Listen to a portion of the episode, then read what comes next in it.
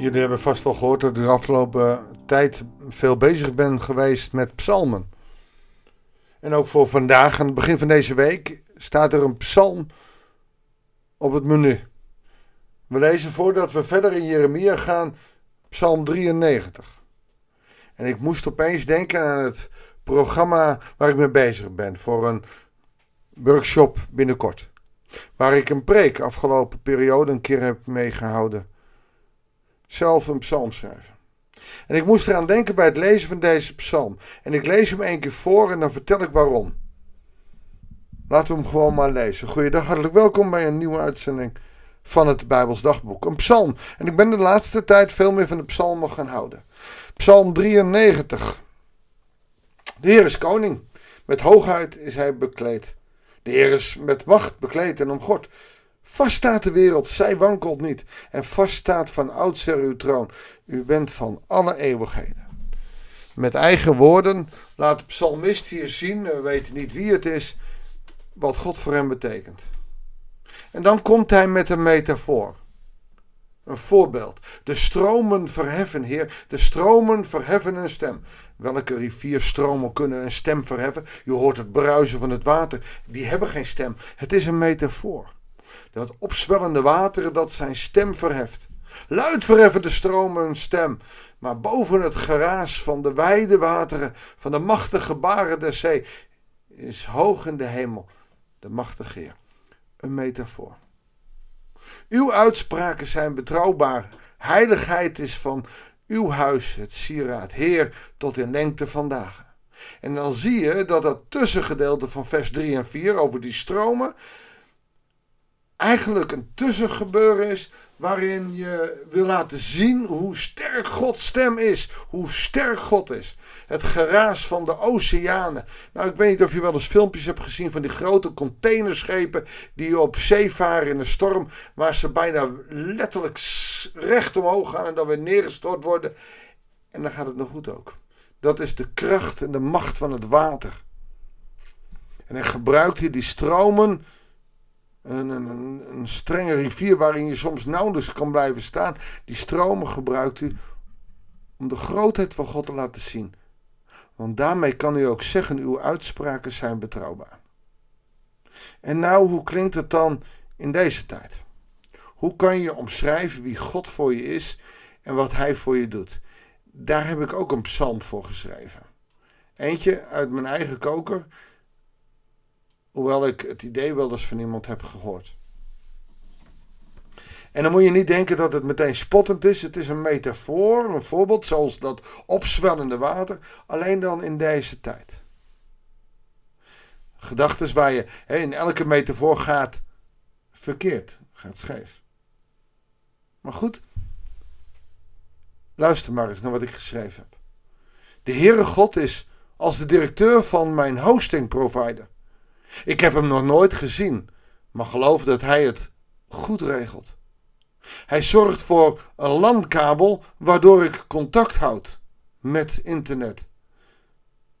Die landkabel, dat is in mijn geloof de Heer Jezus. Waardoor ik connectie hou met de hemel, met de Heere God. Hij zorgt ook voor wifi. Dat is in mijn geloof de Heilige Geest. Waardoor ik op Hem blijf gericht. Maar dan moet ik die landkabel accepteren en aansluiten en mijn wifi connecten. Dan ben ik online met God. En dat voelt goed. Want God is goed. Zo zou een psalm in de moderne tijd eruit kunnen zien. Om de drie eenheid of om God op een of andere manier woorden te geven, zodat mensen uit deze tijd het kunnen snappen. Al een paar jaar geleden heb ik met Pinksteren dit gebruikt in een artikeltje. En een mevrouw die dat gehoord had, die dingen organiseerde in haar gemeente voor jeugd, had dit voorbeeld gebruikt bij iemand die niet met geloof was opgegroeid. En het aardige is opeens door dit verhaal, door deze metafoor, snapte hij hoe God werkte. Want hij had zelf dus ook een directeur van een internetprovider. Hij had een landkabel, maar wist net zijn telefoon dat hij met wifi ook geconnect was. Maar dat als je je wifi uitzet en niet gebruikt, dat je niet op internet kon. Nou, dat soort dingen zijn metaforen voor deze tijd. Daar moest ik aan denken toen ik deze psalm las. De Heer is koning, met hoogheid is hij bekleed. Wij hebben iets minder met het koningschap. We denken dan aan Willem-Alexander en daar vind je allemaal wat van. In de tijd van, de koning, eh, van, uh, David, die hier nog geen koning was, bij wijze van spreken als het al van David is. Maar goed, dat zou je kunnen zeggen. Of in de, wie het ook geschreven heeft, de, koning had aanzien. Ook al was het niet met hem eens, hij had aanzien. Had macht. Als de koning zei, jij doet dit, dan gebeurde dat. We hoeven maar naar Batseba te kijken. David ziet Batseba. Wordt verliefd, laat haar komen. Nou, Batseba is heus niet uh, op de blote voetjes naar het paleis gerend. Oeh, de koning wil me, oh, de koning wil me. Nee, wat moet die man van me? En dan blijkt dat hij haar gezien heeft in bad, naakt. En dat hij met haar trouwen wil. Denk je dat Batseba daarop zat te wachten? En toch, hij doet het. Zij doet het, sorry. En daarmee zie je dus de macht van een koning. Nou, de koning had heel veel macht. Hoe kan je de Heer dan omschrijven? De Heer is koning. Met hoogheid is, hoogheid is hij bekleed. De Heer is met macht bekleed en omgord. Vast staat de wereld, zij wankelt niet. En vast staat van oudsher uw troon. U bent van alle eeuwigheden. Daarmee geeft uh, de schrijver van deze psalm iets aan van de grootheid van God. En hoe lang die ook al duurt. Uw uitspraken zijn betrouwbaar. Heiligheid is van uw huis een sieraad. Heer, tot in lengte van dagen. Hij wil dus zeggen dat deze God goede uitspraken doet. Maar door het geraas in deze wereld horen we het niet. Dat zijn die stromen. Wij zouden kunnen zeggen, door het lawaai hier op straat, door dat alle apparaten en alle wegen zo vol zijn en overal is er nooit geen stilte. Hij ziet de rivieren voor zich. Hij ziet de zeeën voor zich. Hij ziet het stromen verheffen. En al zouden al die wateren nog zoveel lawaai hebben, zijn uitspraken komen daar bovenuit. Want hij is een machtige Heer. En zo zie je dat door deze metafoor enorm Gods kracht, Gods stem, Gods macht wordt neergezet. Hij wordt hier meteen boven alle koningen van de hele wereld verheven. Alleen al door die metafoor. Als je de metafoor eruit haalt, dan wordt de psalm kaal. De Heer is koning, met hoogheid is hij bekleed. De Heer is met macht bekleed en omgord. Vast staat de wereld, zij wankelt niet. En vast staat van oudsher uw troon. U bent van alle eeuwigheden.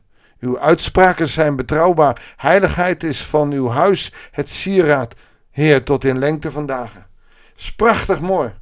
Maar er zit geen kracht in. En juist door metaforen van deze tijd te gebruiken, haal je kracht uit je psalmen. Dus ik daag u, ik daag jou uit, luisteraar van de podcast. Als je Gods grootheid ooit eens wil beschrijven, doe dat dan met eigen woorden en gebruik metaforen die anderen snappen. Voor kinderen is dat anders dan voor volwassenen. Voor ongelovigen klinkt dat anders dan voor gelovigen. Gebruik een voorbeeld wat mensen herkennen, zoals internet. Of zoals, nou wat zal ik zeggen, het lawaai van één keer in de maand, de eerste maandag van de maand om 12 uur, dat heel Nederland hoort de sirenes.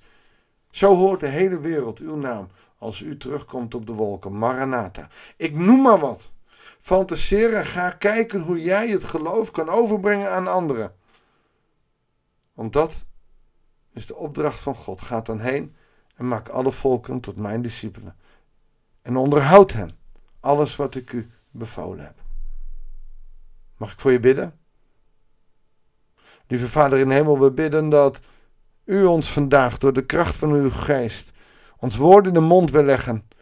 Woorden niet zo nodig bijbels of uh, talen Kanans, maar woorden die anderen snappen, zodat wij het geloof in u, dat zo'n diepe grond heeft in ons leven, met mooie woorden van deze tijd, in metaforen van deze tijd, bij anderen terecht mogen komen, zodat zij snappen.